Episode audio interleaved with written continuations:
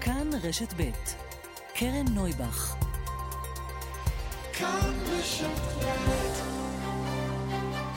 סדר יום עם קרן נויבך, תוכנית אקטואליה אחרת.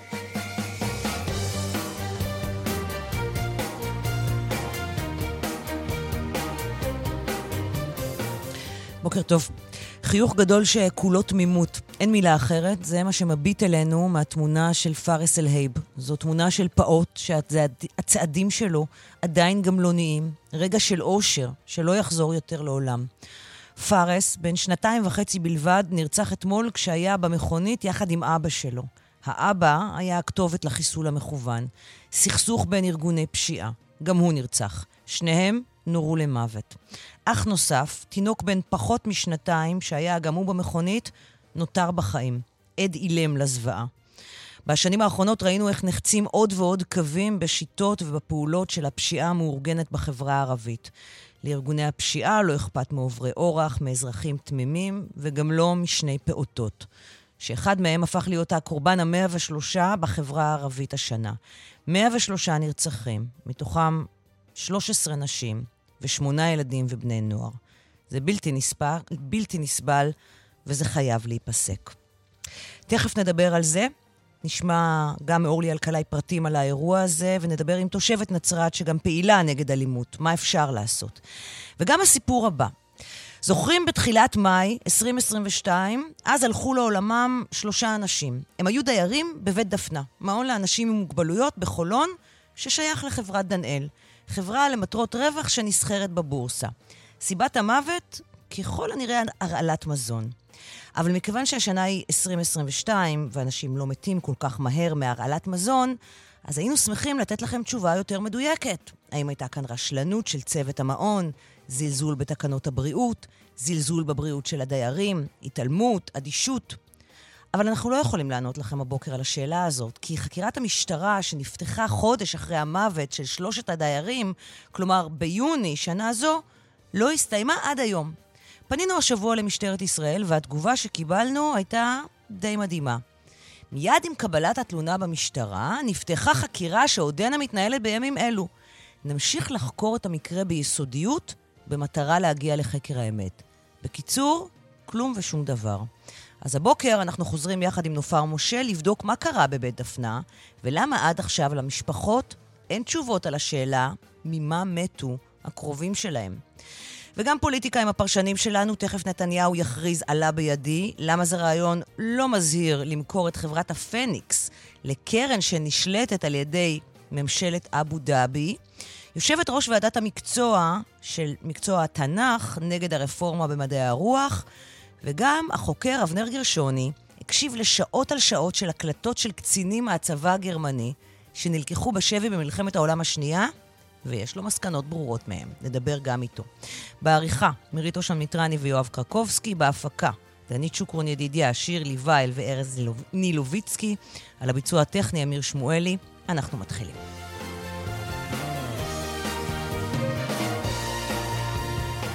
שלום לאורלי אלקלעי. שלום, קרן. הגעת לפני זמן קצר לנצרת, את בסמוך לבית המשפחה. אמ, המשפחה שהפעוט אה, הוא בן לאותה משפחה, פארס בן השנתיים, שנרצח אתמול יחד עם אבא שלו. מה את יכולה נכון. לספר לנו הבוקר גם על החקירה, גם על האירוע, גם על התגובות בעיר? נתחיל עם מה שקורה כאן בבית המשפחה. סוכת האבלים כבר נפתחה, למרות שעדיין לא קברו את האב ובנו, את אה, פרס ואת פארס. והאבסורד פשוט, קרן, שהכיסאות אה, ששמו לטובת אה, המנחמים, הם מרחק צעד מהסימונים של הזיהוי הפלילי, של החקירה אתמול, של הקליעים שנורו כאן, היכן שעמד הרכב. וכשאת סופרת את הסימונים הללו, יש כאן למעלה מעשרה סימונים. זאת אומרת שבדיוק כמו שדיווחנו, המתנגשים מגיעים, מבחינים באבא, יושב ברכב, פירף בן ה-33, פארס הקטן על הרגליים שלו. הוא, הוא החזיר אותו מהפעוטון.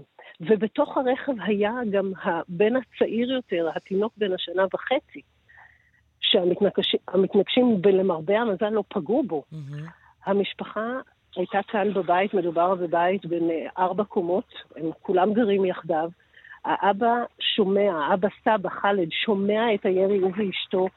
הוא רץ החוצה, הוא לא ראה בהתחלה את הרכב, ואז אשתו של פירס צועקת לו, זה האוטו של פירס, זה פירס, תסתכל מה קורה.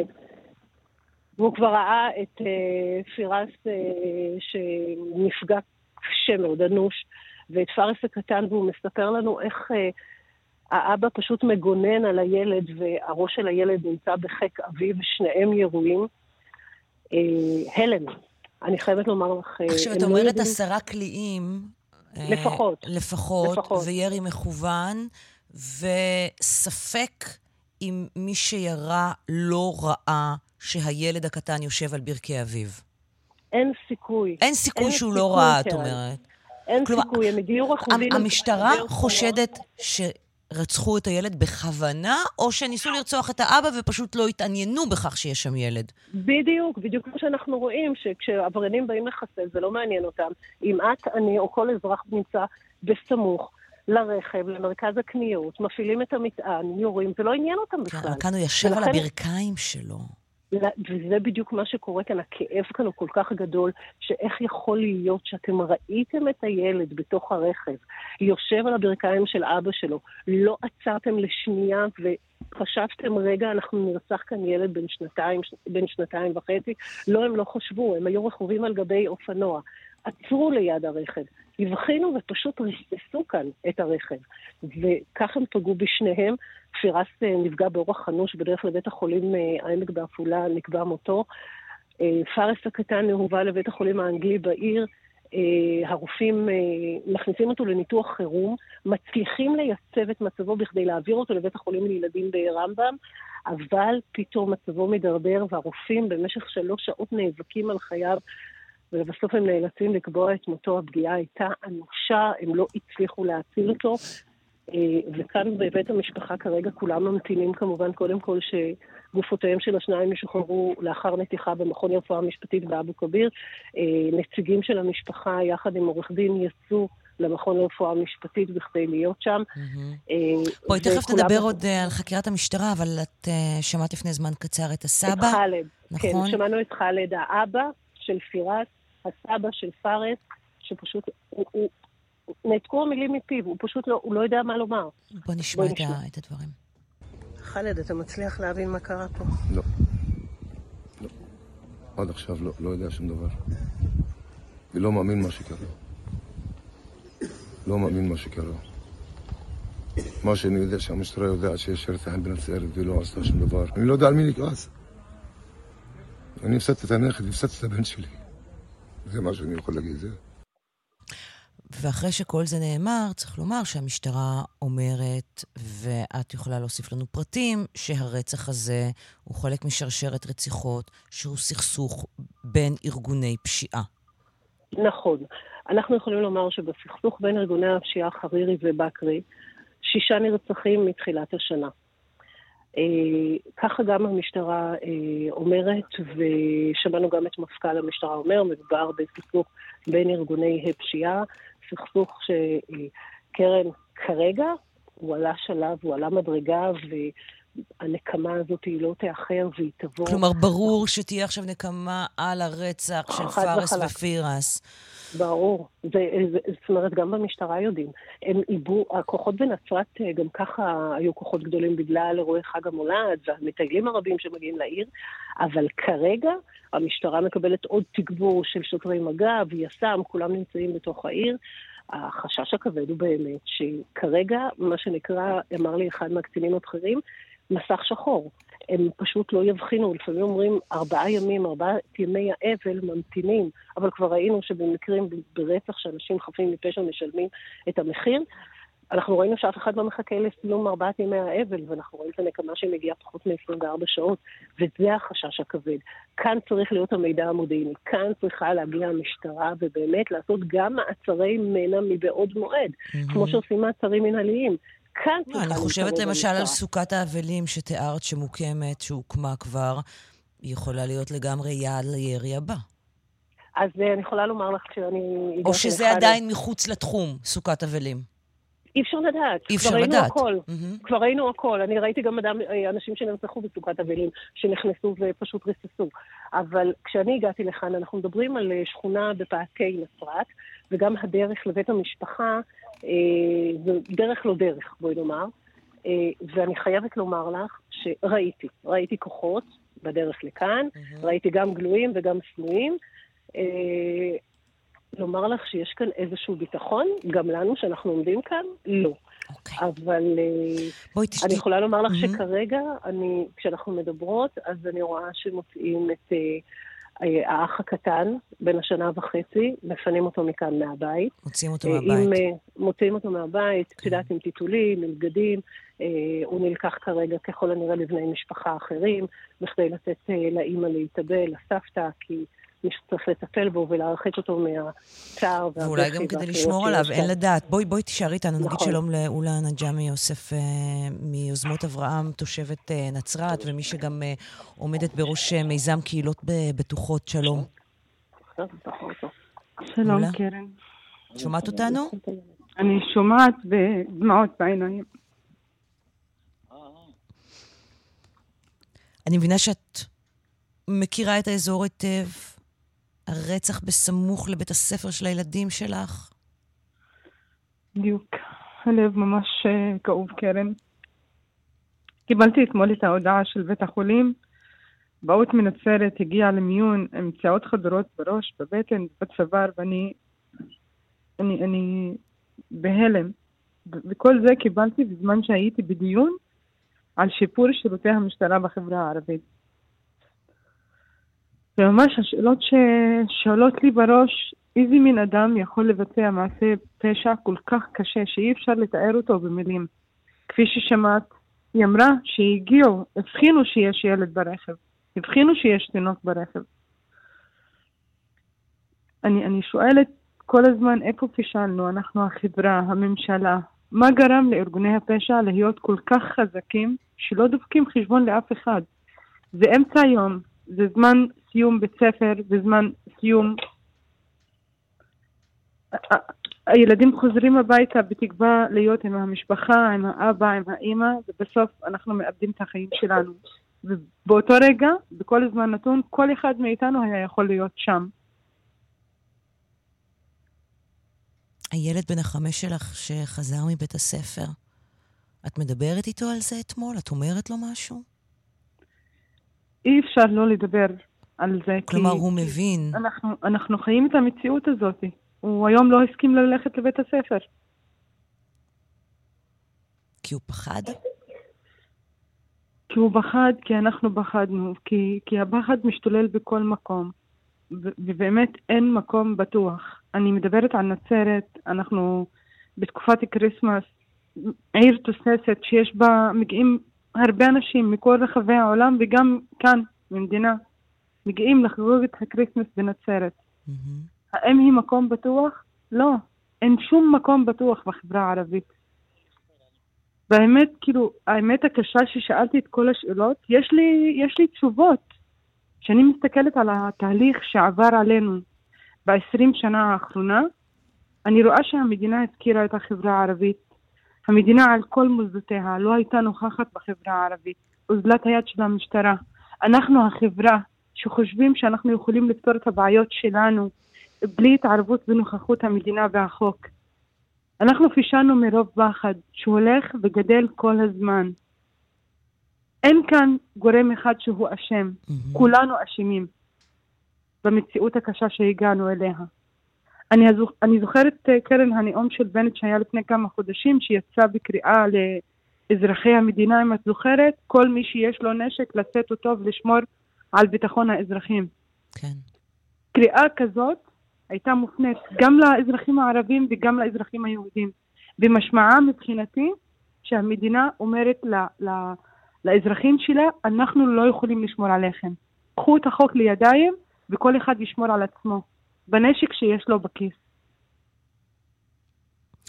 בשנה ומשהו האחרונות, על פניו נעשה לכאורה מאמץ אה, מפוקס מאוד על הפשיעה בחברה הערבית. הייתה התוכנית של אה, יואב סגלוביץ', אה, הושקעו כספים, תקציבים, גם הייתה כוונה אה, ועבודה מאוד אינטנסיבית. זה נתן איזה שהם פירות. של, זה... של 20 שנה לא, לא תיפטר בין יום ולילה, לא תיפטר בתוך שנה, אוקיי? צריך להמשיך. לא, אבל נעשה, אז... נעשה תהליך והוא תהליך חיובי וטוב. Mm-hmm. והתחלנו קצת לראות, אה, ל, לראות תוצאות, לראות, רגיע, לחוות רגיעה מסוימת. אבל זה לא יכול, ברגע שיש אה, בחירות ויש התקצצות אה, פוליטית והסכמים קואליציוניים, אנחנו חוזרים אחורה, מתקדמים צעד אחד קדימה, ואז חוזרים עשרה צעדים אחורה. השטח בוער ולא מחכה לפוליטיקאים ולהסכמים קואליציוניים. הפצע בחברה הערבית פתוח, והוא ממשיך לדמם, וזה על כולנו. המדינה שבאמת צריכה להמשיך להשקיע את המאמצים שהתחילו בשנה האחרונה ולסגור את הפערים, לצמצם את הפערים בין החברה הערבית לחברה היהודית, לתת מענה לכל גורמי העומק לאלימות ופשיעה.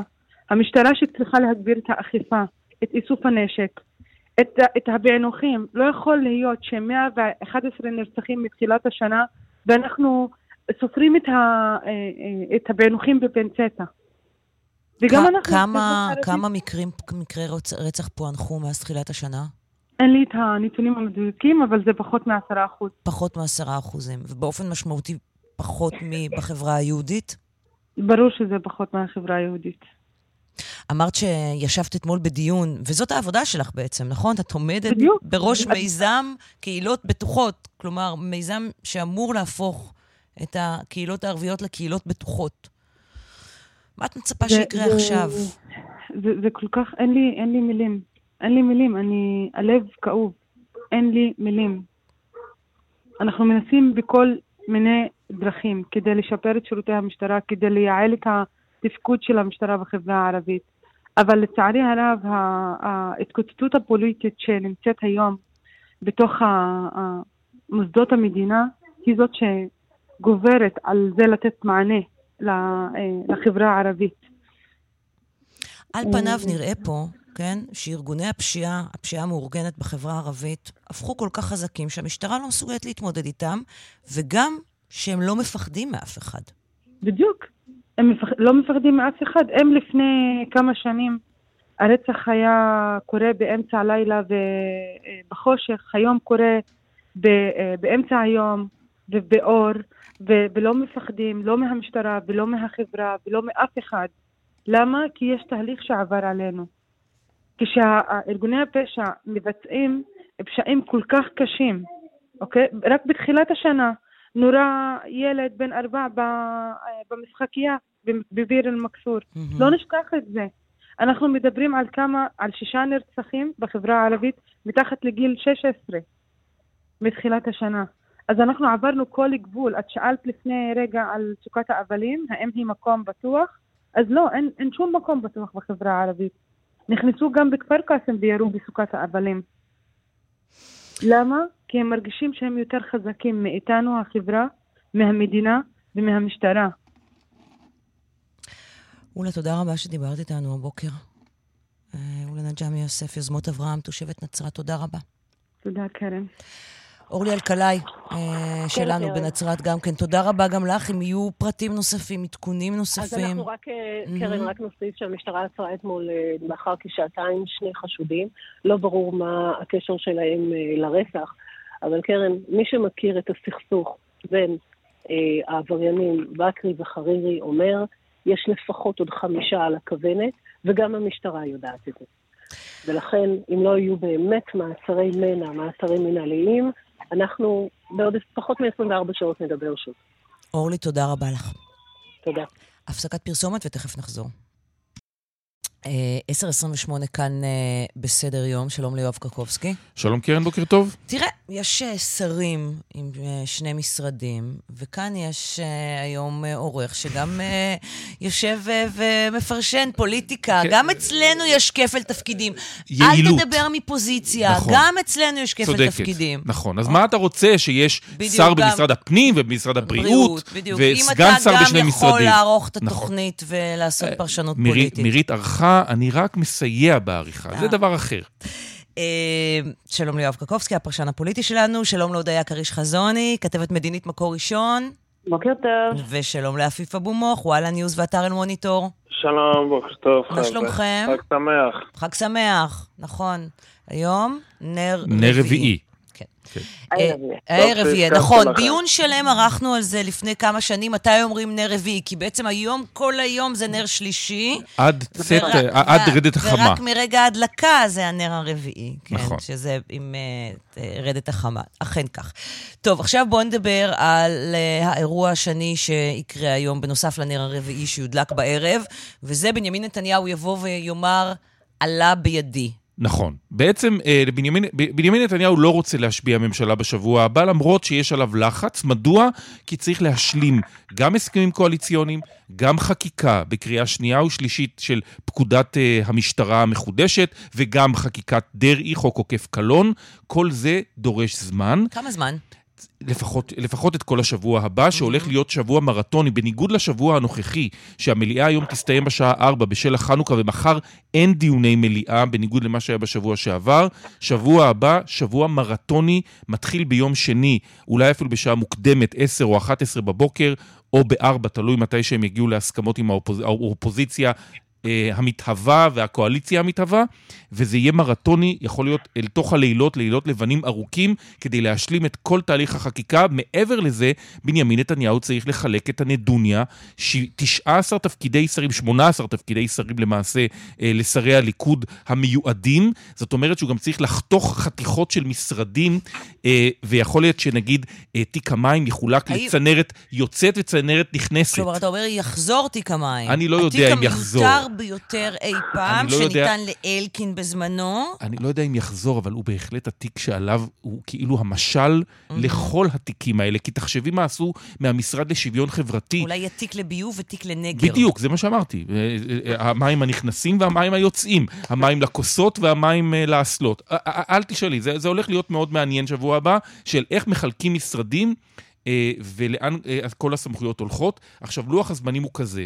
כך או כך, גם אם נתניהו היה מבקש את ארבעת ימי ההארכה מהנשיא שנותרו לו, הוא היה מקבל את זה עד יום ראשון, וביום שני היה מודיע יושב ראש הכנסת אה, יריב לוין למליאת הכנסת, עלה בידי נתניהו להרכיב ממשלה, ומאותו רגע רץ שעון חדש של שבעה ימים, בתום שבעת הימים, כלומר יום שני, שניים בינואר, המועד האחרון שבו ניתן להתחיל את הדיון mm-hmm. בהשבעת הממשלה. ברגע שמתחיל הדיון, השעון נעצר, ובעצם אה, הדיון הזה, עד שהוא לא מסתיים, אז אה, אה, אה, הוא יכול להימשך גם יומיים, לצורך העניין, אם יהיה פיליבסטר של, של האופוזיציה כדי למנוע השבעה מהירה. הודיה, את רואה מכשולים בדרך עד לרגע של ההשבעה? לא, אני חושבת שהיא בסופו של דבר אכן תקרה, החקיקה אה, תושלם והיא תקרה. אמ, רק רוצה להגיד שבאמת אה, יש כל מיני אה, הבטחות גדולות לשינוי, ומה שתצביעו זה מה שתקבלו, שבכלל לא בטוח שהולכות לקרות. אנחנו רואים ש... הדגימי, תני דוגמאות. אה, הרפורמה המשפטית הולכת ומתמסמסת, פסקת ההתגברות לא נעוצה ברמה כזאת שבטוח שהיא תקרה. אמ, כל העניין של פעילות ביהודה ושומרון, נתניהו מבהיר לכל גורם שרוצה לשמוע שאינו תהיה צופייה. וגם אם הוא נותן סמכויות לסמוטריץ', שזה היה תלוי בהסכמתו ובאישורו. אמ, ככה שמול ככה התיאור הזה של איזושהי ממשלה שהולכת לשנות פה סדרי עולם, לא רואה בינתיים שהולכות להיות מהפכות גדולות. השאלה, אני חושבת, הגדולה בהקשר הזה היא כן אה, שאלת התקציבים, למשל, במערכת החינוך. מה שפרסם עמיתנו ליאור דאטה לפני יומיים בדה-מרקר, שגפני נורא נורא כעס עליו ואמר שזה לא נכון, והליכוד אמרו, לא יקום ולא יהיה, כול, לא יהיה מצב שתלמיד חרדי יקבל יותר מתלמיד בחינוך הממלכתי, ויש עדיין ויכוח מאוד גדול על הנתונים האלה. וזה, אגב, עוד דוגמה לאיך כל כך מעט מאיתנו באמת יודעים איך הכסף במדינה מתחלק, כן? אמ, אבל שמה, למשל, זה משהו שהוא באמת יכול להיות מאוד משמעותי, גם מבחינת התביעות של החרדים וגם מבחינת ההשלכות שלהם. בכל מקום שזה, שזה מעורב בכסף, זה יכול להיות מאוד, אה, מאוד דרמטי. ובאמת... נראה באמת שכספית, ככה החרדים באמת מתקדמים לקראת המטרות שלהם, אבל חוק הגיוס לא סוכם פה שום דבר, וגם סעיף הנכד, שהוא באמת עניין מהותי ומשמעותי לעתידה של מדינת ישראל. אה, תוקם ועדה, ידונו, יראו, זאת אומרת, זה באמת... אבל אולי זה באמת בגלל שנתניהו לא רוצה ללכת על זה, הוא לא רוצה לשנות את סעיף הנכד. הוא מרגיש, מבין, מעריך שזה צעד אחד יותר מדי. מבחינתו. הוא מכיר את היחסים עם, ה, עם, ה, עם התפוצות היהודיות בעולם, והוא יודע איזה נזק הדבר הזה יכול לייצר, אגב, לא רק ביחסים לא רק של היחס- העולם היהודי, זה גם, יש לזה גם נזק מדיני מאוד מאוד גדול. אני חושבת שזה לא, זה לא רק העניין של uh, העולם היהודי, זה קשור ל- לעלייה מברית המועצות לשעבר, נכון. וכל, uh, ו- וכל מה שהתפרק ממנה. Uh, עפיף, אני שומעת אותך מקחקח. לא, אני מקשיב לכם ונהנה. חייב אה, לציין זאת. עכשיו והערכה... יש נתניהו באנגלית, נתניהו בעברית. אה, מי שעוקב זה שני אנשים שונים לגמרי. אה, ונתניהו כן, באל- באל-ערבייה. שזה כן, באנגלית אבל הוא לאל-ערבייה. עושה את זה באנגלית, כאילו. שבאנגלית אפילו מרשה לעצמו לקרוא ווסט בנק, להגיד ווסט בנק, ואחר כך תוקפים את בנט על זה, ועוד וכולי. אה, קשר לתקציבים, לא רק אצל החרדים, שימי לב לחוסר השקיפות גם כן, כל מה שקורה ב... בגזרה של ההתנחלויות. אפס שקיפות, אף אחד לא יודע מה, מה הסכומים שמושקעים וכולי. אה, מה, מה רציתי להגיד אה, על, על חוק דרעי? לדעתי חוק דרעי הוא רק קדימון לחוק יותר גדול. שנקרא חוק נתניהו. שמה יכלול אולי- חוק נתניהו? כאילו, מה, חוק דרעי אומר? הרשעה עם אה, עסקת טיעון שכוללת הרשעה עם אה, מאסר על תנאי וכולי. היא נותנת לך לחזור לכהן שר, אין על זה קלון וכולי. אז אתה רואה בזה הכנה לקראת, ה... לקראת את- עסקת הטיעון שנתניהו אולי יגיע אליה? למה לא? בינתיים הוא מתיש את המערכת המשפטית, ואף אחד לא רואה שהמשפט יסתיים בקרוב, אולי. אולי כל מה שקורה עכשיו עם בחוק דרעי זה בלון ניסוי. לחוק יותר גדול, מהמם. אה, שיגיע לעסקת טיעון. הוא, הוא היה קרוב לעסקת טיעון, אגב, לפני מספר חודשים, זה נדמה לי בן כספית חשף את זה, ו... והכל התפוצץ, התפוצץ על קטע של קלון. אה, כן, שמעתי אין את יותר אה, פרקליט המדינה לשעבר ערן שנדר מתראיין אצל עמיתנו אה, קלמן ליברמן בשעה הקודמת, ואז הוא אמר שהוא חושב שהתביעה מאוד מעוניינת בעסקת טיעון, וגם ההגנה מעוניינת בעסקת טיעון, אבל הם לא יגיעו בשום שלב לעסקת טיעון, כי התביעה אינה יכולה להגיע לעסקת טיעון שאינה כוללת פרישה מהחיים הפוליטיים. עזוב קלון, כן. כן? פרישה מהחיים... על, על זה, על, על, פחות מזה ההגנה לא יכולה אה, להסכים. וצריך אבל אגב, זו- זו- זו הייתה נתניהו עסקה עם דרעי. למ- למה. נתניהו עושה את כל הדבר הזה? כי הוא לא רוצה לפרוש מהחיים הפוליטיים. הוא נבחר להיות ראש ממשלה, אז הוא יפרוש מהחיים זו הפוליטיים הייתה עכשיו. עסקה עם דרעי, אם את זוכרת. נכון, כן. גם, הוא גם דרעי פרש התחייב... מהחיים הפוליטיים. נכון. הייתה, הייתה התחייבות לבית המשפט המחוזי בירושלים, אה, בת- בתל אביב, סליחה, אבל צריך להגיד עוד דבר, ב- בהקשר של משפט נתניהו, הדברים שאמר אתמול מפכ"ל המשטרה לשעבר רוני אלשיך, שקורא לפרקליטות המדינה להגיע לעסקת טיעון עם נתניהו. הוא אמר את זה בריאיון אתמול בחדשות 12. זה כן, גם אמירה מאוד מעניינת של מי שעמד מאחורי החקירה ועמד תחת מתקפות מאוד קשות מצד נתניהו אישית ואנשיו שתדרכו כנגדו. זה גם אמירה מאוד אמר משהו מעניינת. מעניין, שהמדינה אינה בשלה להעמיד ראש ממשלה מכהן לדין. עכשיו שימו לב, היה כבר ראש ממשלה לשעבר שהועמד כן, לדין. שעמד הוא לא עמד לדין, אבל הוא לא עמד לדין כשהוא היה ראש ממשלה. אולמרט, כן. בדיוק, הוא הופרש קודם, קודם נאלץ הוא- הוא הופרש פוליטית. ואז כתב האישום הוגש שנה אחרי הפרישה שלו, כן. אני זוכר. עוד היה, מי כן, את מי את חושבת שיהיה שר המשפטים? אה, וואו. זהו, אני רוצה לא לחתום. בשאלה הזאת את הדיון שלנו, כי כן, הכל בעצם קשור ל... ו- ואנחנו לא יודעים בעצם מי הולך להיות שר המשפטים, נכון? נכון, אבל אבל הולך ומסתמן שלא יריב לוין. לא יריב לוין, שזה אומר הרבה. כן, שזה אומר המון, וזה חבל. אה, השאלה אם זה יהיה דודי אמסלם, ומה יעשה יריב לוין, האם יישאר יושב ראש הכנסת, תפקיד שהוא מאוד מאוד אוהב דודי אותו. אמסלם זה המועמד המרכזי לתפקיד זה שר לא המשפטים. מועמד מרכזי, זו תביעה מרכזית. אה, השאלה אם אנשים מבקשים באמת... הרבה. דברים. כן, בדיוק. כן. כן, למרות שהייתה נחרצת יותר, הוא חזר בה, אבל... טוב, אה, לא, הוא אומר או זה או זה אמסלם, או הכנסת, או יושב ראש הכנסת, או משפטים, או שאני אהיה חבר כנסת מן השורה. עכשיו, חבר כנסת מן השורה זה וג'ה ראס נתניהו, כי יש לו אמסלם, אה, אה, ישראל כץ, כל הרביעייה הזאת, חיים כץ, וקוראים לו ודוד ביטן. ערבי, דוד ביטן. טוב, אה, אנחנו אה, ניפגש כאן גם ביום רביעי שעבר, וגם ביום רביעי הבא שעבר. אגב, אה, סביר להניח שעוד לפני הצגת הממשלה, לפני השבעת לפני הממשלה השבעת הבאה. הממשלה. יואב קרקובסקי, עפיף אבו מאוחד, היה כריש חזוני, תודה רבה לכם. תודה תודה, רבה. יום טוב. פרסומת ותכף חוזרים. 10.42 כאן בסדר יום, שלום לנופר משה, שלום קרן. כתבת הרווחה שלנו. אה, לפני תשעה חודשים, בתחילת מאי, עסקנו כאן בהרחבה ודי באינטנסיביות במותם של שלושה דיירים במעון לבעלי מוגבלויות בחולון, בית דפנה, מעון בבעלותה של אה, חברת דנאל, חברה שנסחרת בבורסה למטרות רווח. החשד היה הרעלת מזון. חודש לאחר מכן, חודש ימים זה לקח, נפתחה חקירת משטרה. ובמהלך כל החודש הזה, גם אנחנו, גם בני המשפחה, מנסים למצוא, לברר, להבין מה קרה שם, עם מעט מאוד מסקנות.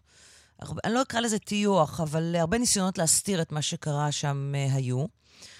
ושבעה חודשים אחרי החלטנו שהגיע הזמן לבדוק. האם במשטרה יודעים משהו? האם יש התקדמות בחקירה?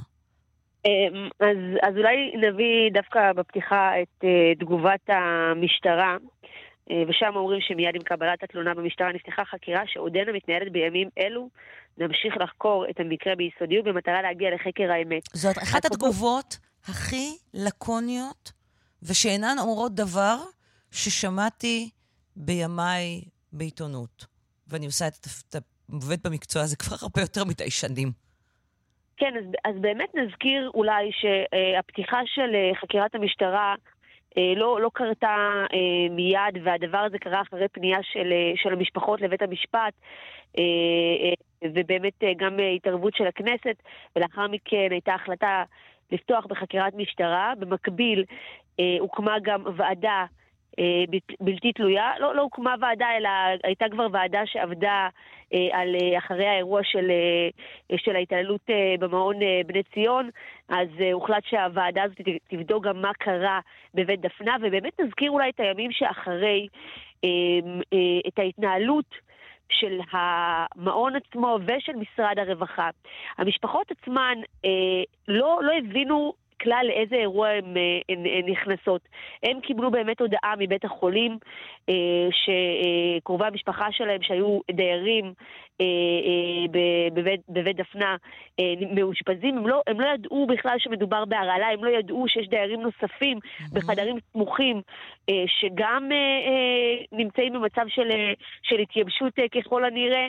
הם לא הכירו את כל הדבר הזה, הם לא, הם לא ידעו מה קרה בימים שקדמו לכך, ונזכיר באמת שהחשד הוא אה, שהייתה הרעלה שהביאה בסופו של דבר להתייבשות אה, ואיזשהו טיפול רפואי לוקה בחסר במעון עצמו, שבסופו של דבר הביא לכך שהדיירים הגיעו במצב אה, קשה מאוד לבית החולים ונפטרו. בואי נגיד, בואי נגיד שלום לאלה בונדריאנסקי. שלום אלה. בוקר טוב. אה, את אה, אחותו של אחד הדיירים שנפטרו בבית אפנה. כן, אני אחות של פליקס וייזלוט, שהיה בין השלושה שנפטרו במשך פחות מיממה. מה את יודעת היום שלא ידעת לפני שמונה חודשים? לא, אף אחד לא הודיע לי משהו. אם לא עורך דין שלנו, אנחנו לא היינו יודעים כלום, כלום, כלום. לא מזמן הוא קיבל את המסמכים מבית דפנה, ולא הכל. וזה ממש לקח לו המון זמן. לא משטרה, לא משרד הבריאות, לא בית דפנה, אף אחד לא אומר לנו כלום. ב... עברו תשעה חודשים, mm-hmm. שקט מוחלט. ואתם שואלים, מנסים, פונים? אה, תראי, אני אגיד לך את האמת, אנחנו עכשיו סומכים על העורך דין שלנו. זה עבודה שלו, והוא לוקח, אה, מה שהוא יכול, הוא עושה.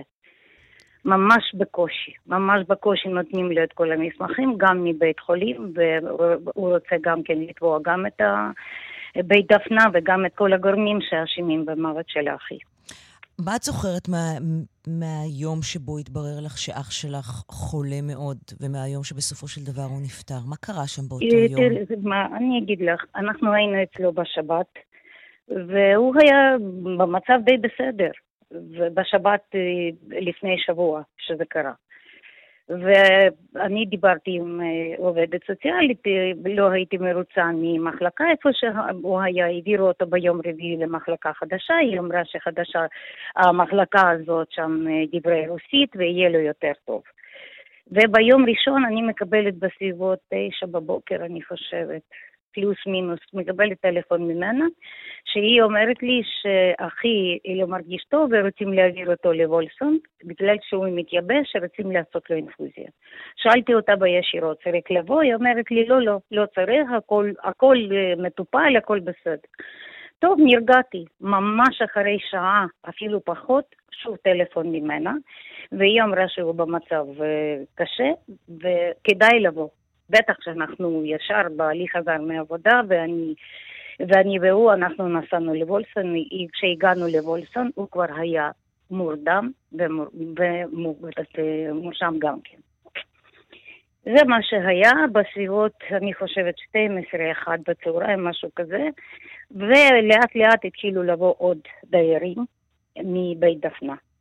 אחד הייתה במצב קשה, אני לא יודעת מי זאת, mm-hmm. היא הייתה במצב קשה כאחי, ואחר כך העבירו אותו למחלקה, ובשתיים, פחות אפילו, ב-12 וחצי בלילה, אני חושבת, אני אמרתי בכל, בכל מצב להתקשר אלינו, לא משנה מתי זה יקרה, בגלל שאמרו שאין לו, לו סיכוי לעבור את זה.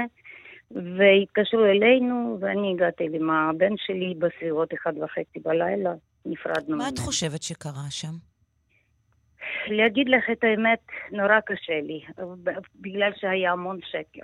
מההתחלה אמרו שהוא התייבש, בבית חולים גם כן לא ידעו מה בדיוק, אמרו שמשהו עם המעיים. בקיצור, תראי, קודם כל אני לא רופאה. אני הייתי סומכת אבל היית יכולה לקבל איזושהי תשובה מרופא? כן, כן, כן, כן, אני דיברתי עם רופא, ואחר כך דיברתי עם רופא במחלקה. וקיבלת איזושהי תשובה? בגדול, לא קיבלנו את התשובה ממש אה, ברורה מה קרה בדיוק. את, את, את מצפה לתוצאות של חקירת המשטרה? היא מחכה, מחכה. עדיין לא קיבלתי כלום. את חושבת אנחנו, שיש מישהו כן. שאחראי לזה? כלומר, מישהו שזה האחריות שלו, שאח אני, שלך לא בחיים כן, היום? כן, אני, כן, בטח. אני חושבת שזה קודם כל, לפי דעתי, אני, עוד פעם אני חוזרת, אני לא רפה. קודם כל, אני חושבת שמה שקרה, התשובה הראשונה צריכה להיות מבית דפנה, וגם מבית חולים. בוא נגיד, מה קרה בוודאות? כן, בוא נגיד שלום אה, לעורך הדין והדוקטור דוד שרים, מתמחה ברשלנות רפוא, רפואית, ואתה מייצג משפחה אחרת. ש... אמת, בוקר טוב וחנוכה שמח, מש... ותודה לכם שאתם לא שוכחים את המקרה ומחזירים אותו לסדר היום הציבורי. כן, תודה. תודה, באמת תודה. אתה, אתה אה, מייצג משפחה אחרת, לא את המשפחה של אה, אלה, והייתי רוצה לדעת אם אתם יודעים משהו, אם אתה יודע משהו, אם אתה למדת משהו בחודשים האלה שלא ידעת קודם. תקציר הפרקים הקודמים. מהרגע הראשון, כשמדובר באוכלוסייה מוחלשת מהניסיון שלי, הדברים לצערי הולכים אה, לטובת בעלי הממון והשררה ולא לטובת חקר האמת. ולכן אנחנו הגשנו את הבקשה לפי חוק חקירת סיבות מוות, ובשישה ביוני אה, כבוד השופט דוקטור אבינור מבית משפט השלום בתל אביב כתב מדובר בפרשה המצדיקה עריכת חקירה משטרתית, וזאת בין השאר נוכח היקף הפגיעות שנראה לכאורה משמעותי מאוד והאינטרס הציבורי הברור הנגזר ממנו. Mm-hmm.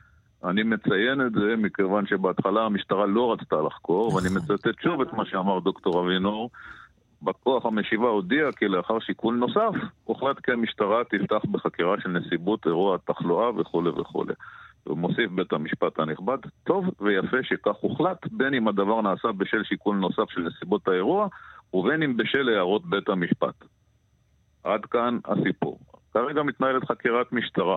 מה זה אומר אנחנו... שמתנהלת חקירת זה... משטרה? יש, יש לנו מושג, אנחנו.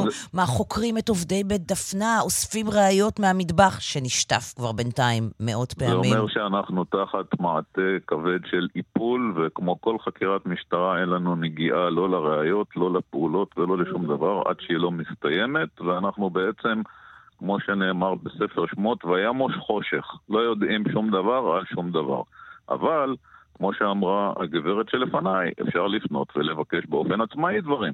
אז פנינו גם לבית אה, דפנה ולחברת הניהול של אותם מקומות, mm-hmm. וביקשנו תיקים רפואיים, וביקשנו לקבל אינפורמציה, כי גם אצלנו המשפחה קיבלה את המידע דרך התקשורת, ובאמצע הלילה אמרו לסבתא של החוסה שנפטרה, שאת משפחתה אני מייצג, שהכל בסדר, היא נפטרה בהליכים טבעיים, ורק בבוקר... זה היה הדבר הראשון שאמרו למשפחה, שאותה, שהלקוחה, שאתה אתה מייצג, לגמרי. שהיא נפטרה מנסיבות טבעיות. בנסיבות טבעיות לחלוטין. אז הנה, אני מקריא לך עכשיו מהמכתב שאני מקבל מעורכי הדין של בית דפנה. מצטט, נכון להיום מתנהלים הליכי בחינה וחקירה ביחס לנסיבות האירוע החריג והמצער שהתרחש. בנסיבות אלו ועד לסיום הליכי הבחינה והחקירה ועל מנת לאפשר את השלמתם במהירות וביעילות, מנוע מרשנו מהעברת מסמכים הקשורים כלומר, בעניין זה. באצטלה של חקירת משטרה לא מוסרים לכם גם, זה משתמשים בזה כדי לא למסור לכם שום מידע. הם אפילו לא כותבים שזה חקירת משטרה, הם כותבים סתם את המילה חקירה כאילו הם חוקרים. ואני שואל כמה שאלות נורא מעניינות. איך יכול להיות שבית אקשטיין לא מספק מסמכים רפואיים שחובתו לספק על פי דין? איך יכול להיות שבית אקשטיין לא טורח לספר בזמן אמת למשפחות האנשים האלה מה באמת קורה ומאפשר להם לפחות להיפרד מהם אל מותם בצורה ראויה, כמו שכל אחד מאיתנו היה רוצה ללוות את יקיריו. איך ייתכן שאין אף רופא מבית אקשטיין שבא ומסביר מה פשרה של ההזנחה הפושעת והרשלנית הזאת? ויותר מזה, איך ייתכן שחברת הניהול של בית אקשטיין מרשה לעצמה להתנהל ככה, כי יש לה כנראה הרבה כסף וזה לא כל כך מדאיג אותה, כי זו אוכלוסייה מוחלשת שלא תעשה שום דבר ממילא. ועכשיו לשאלת השאלות. איפה אתה משרד העבודה והרווחה שמפקח על כל המעונות האלה? איפה אתה? האם אפשר שאנשים ימותו בצורה הבזויה והלא ראויה הזאת במדינת ישראל בשנת 2022? לכן אני אומר תודה לך, קרן, ולכל הצוות שלכם שאתם חוזרים ומעלים את הדברים שכנראה הם בלב החיים שלנו במדינת ישראל. נופר, איפה משרד הרווחה באמת בכל הסיפור הזה? אז אה, באמת אה, נזכיר שקמה ועדה אה, בראשות אה, השופטת אה, בדימוס אה, שלומית דותן, אה, אחרי אירוע התעללות אה, בבני ציון שקרה כבר לפני כשנה, mm-hmm. ולאחר מכן הורחבו הסמכויות שלה אה, לבדיקה גם אה, של מה שקרה אה, אה, במעון אה, בית דפנה. אה, אני, יצא קול קורא שקרא להרבה מאוד אנשים אה, להגיע, הרבה מאוד משפחות, הרבה מאוד עובדים, הרבה מאוד אנשים מהמערכת עצמה הגיעו להעיד אה, בפני אותה ועדת בדיקה. ממה שידוע לי, לא זומנו באופן ספציפי המשפחות ממעון בית דפנה, הם לא התבקשו להגיע, אלא יצא קול קורא, וכל מי שרצה מהציבור להגיע, יכול היה להגיע להעיד בפני הוועדה, ובזמן הקרוב, זה, זה מה שנאמר לי ממשרד הרווחה. בזמן הקרוב צפויה הוועדה להגיש את אה, מסקנותיה. האם, האם uh, למסקנות האלה יהיו איזה. Uh, משמעות uh, והשלכות? ספק משמעות, גדול. משמעות והשלכות לגבי ההתנהלות okay. אוקיי. אל מול המעונות, לגבי הנהלים. אני, אני לא יודעת לומר, אבל, אבל די ברור שבאירוע הזה אנחנו ראינו uh, uh, עד כמה הכוח של ה... מפעילים ושל המעונות, בייחוד כאשר מדובר נוף, בקבוצות כן. חזקות כמו דנאל. עד כמה הם חזקים. האות הזה ברקע, לצערנו, אומר לנו שאנחנו צריכים להיפרד, אה, כי מיד הפרסומות. נופר משה, כתבתנו לענייני רווחה, עורך הדין דוקטור דוד שרים, שמייצג את אחת המשפחות, אלה בונדריאנסקי, שאח שלה נפטר בבית דפנה. תודה רבה לכם. אנחנו תודה. נמשיך ונעקוב אחרי הסיפור הזה. פרסומות חדשות ותכף חוזרים. כאן רשת ב' קרן נויבך.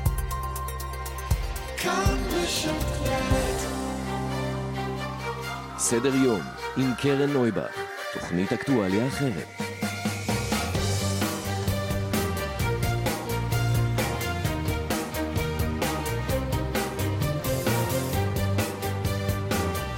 בוקר טוב, 11 ו-5 דקות, שעה שנייה של סדר יום, יום רביעי בשבוע. תכף נדבר עם מיכל וסרמן, בית המשפט התיר לפרסום את תמונתו של תושב הצפון גיא שאול, שחשוד בעבירות מין בילדות. אנחנו מלווים את הפרשה הזאת כבר למעלה מחודש ימים, אה, וסוף סוף השבוע, אה, לאחר בקשה נוספת, הפעם של אה, וואלה ניוז, התיר בית המשפט לפרסם את תמונתו. ואנחנו ננסה להבין שוב את ההתנהלות של בית המשפט בסיפור הזה המאוד מאוד מורכב. אחרי זה יהיה כאן גיא רולניק, כדי לענות על השאלה האם זה צריך להטריד אותנו שאבו דאבי מעוניינת לרכוש את חברת הפניקס, ששולטת על חלק גדול מכספי הפנסיה של ישראלים רבים. מה המשמעות כשחברה שהיא למעשה סוג של חברה ממשלתית של אבו דאבי רוצה לקנות חברה שמנהלת את הפנסיה שלנו, והאם זה צריך להטריד אותנו? איך מלמדים תנ"ך, כמה מלמדים תנ"ך, והאם לימודי התנ"ך בסכנה. יושבת ראש ועדת מקצוע התנ"ך, פרופסור נילי וזנה, תהיה כאן. וגם על המחקר החדש על קציני הצבא הגרמני. החוקר אבנר גרשוני שמע שעות על שעות של הקלטות של קצינים בצבא הגרמני שנפלו בשבי של הבריטים בזמן מלחמת העולם השנייה, ויש לו מסקנות מאוד מעניינות, גם על מה שהם ידעו וגם על איזה מין אנשים הם היו.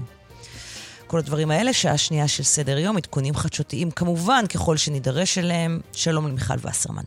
שלום קרן. טוב, אז לבקשת אה, וואלה הותר לפרסם את תמונתו של גיא שאול, שחשוד בעבירות מין בקטינות. בואי תעשי לנו סדר, תזכירי לנו את הפרקים הקודמים בסיפור הזה שאנחנו מלווים יחד איתך כבר יותר מחודש ימים. כן, אז אה, אנחנו מלווים אותו יותר מחודש ימים. החשוד גיא שאול, בן 53 מהצפון, אסור לנו לומר את אה, מקום מגוריו, נעצר לפני יותר מחודשיים בעקבות אה, תלונה של ילדה על חשד לעבירות מין. אחרי, אותה, אחרי אותו מעצר הגיעו עוד כמה תלונות, ואז הוטל צו איסור פרסום על פרטי הפרשה, כולל תמונתו, כולל שמו, כולל מקום מגוריו. אחרי דיונים בשלושה בתי משפט שקדמו להחלטה להתיר את הפרסום שאמר, אמ, הוחלט השבוע, אחרי, אחרי הרבה דיונים, הוחלט לפרסם את uh, תמונתו, אחרי שגם הוגש ערר על ההחלטה הזאת. Mm-hmm. ההחלטה להתיר את הפרסום התקבלה כבר בתחילת החודש בבית משפט השלום בעכו, אבל עורכי, עורכי דינו ערערו על ההחלטה לבית המשפט המחוזי, והערר הזה נדחה. השופטת אה, ספרנצה אלון כתבה בהחלטה, הסיכוי שפרסום תמונתו של החשוד יגרום לכך שמתלוננות קטינות שנפגעו וטרם זיהו אותו על פי שמו בלבד, יוכלו עתה לזה, לזהותו ולהתלונן, גוברת על זכותו של העורר לשם טוב וזכות בני משפחתו בצורה עקיפה. היא אומרת בעצם את מה שאנחנו אמרנו כל הזמן ואת מה שאמרה המשטרה. פרסום התמונה שלו, יש, לו, יש לה חלק משמעותי ב, ב, ב, ב, בחקירה. היא יכולה להביא לעוד מתלוננות, זה גם מה שאמר אה, נציג המשטרה בדיון בבית המשפט, וזה סוף סוף מקבל את האישור של בית המשפט. בינתיים, לחשוד במעצר בית הוא מורחק ממקום מגוריו עד סוף החודש. תיק החקירה הועבר לפרקליטות. עד סוף החודש זה עד סוף דצמבר. עד סוף דצמבר. זה בסך הכל עוד תשעה ימים. נכון, זה קרוב מאוד. Mm-hmm. תיק החקירה הועבר לפרקליטות לפני חודש וחצי, בשישה בנובמבר. הוא מטופל, כך נאמר לי הבוקר, נעשו בו השלמות חקירה בשבועות האחרונים, ויהיה כאן כתב אישום. מה יהיו האישומים עדיין מוקדם לומר. חשוב להזכיר על פרטי החקירה, יש עדיין צו איסור פרסום. אנחנו יכולים לומר שיש כמה מתלוננות, החשדות הן על עבירות מין שבוצעו בילדות לאורך עשרות שנים. אוקיי. Okay. זאת אומרת, החשדות הן לעבירות מין שבוצעו בילדות לאורך עשרות שנים, וגם המעט שאנחנו אומרות זה בגלל שאנחנו עדיין מוגבלות ואנחנו לא יכולות להגיד יותר. נכון. גם לגבי האיש עצמו וגם לגבי העבירות uh, שבהם הם חשוד. אבל נכון. עכשיו החידוש, uh, שאחרי מאבק משפטי, שוב מאבק משפטי ממושך, של חודש ימים, מותרה לפרסום התמונה של uh, גיא שאול. Um, אם אתם רוצים לראות מי זה, אם אתם אה, חושדים, חוששים עם השם. אה, כנסו לטוויטר שלי, אני העליתי אותה, אנחנו נעלה את זה אחרי זה גם בפייסבוק שלנו. אה, עכשיו הותרה לפרסום התמונה שלו, ואפשר לראות במי מדובר. וכאמור, זה בעקבות מאבק משפטי, מי שהגיש פה ספציפית את הבקשה זה עמיתנו יואב איטיאל מוואלה ניוז. תודה רבה לך, מיכל וסרמן. תודה. אנחנו נמשיך ונעקוב.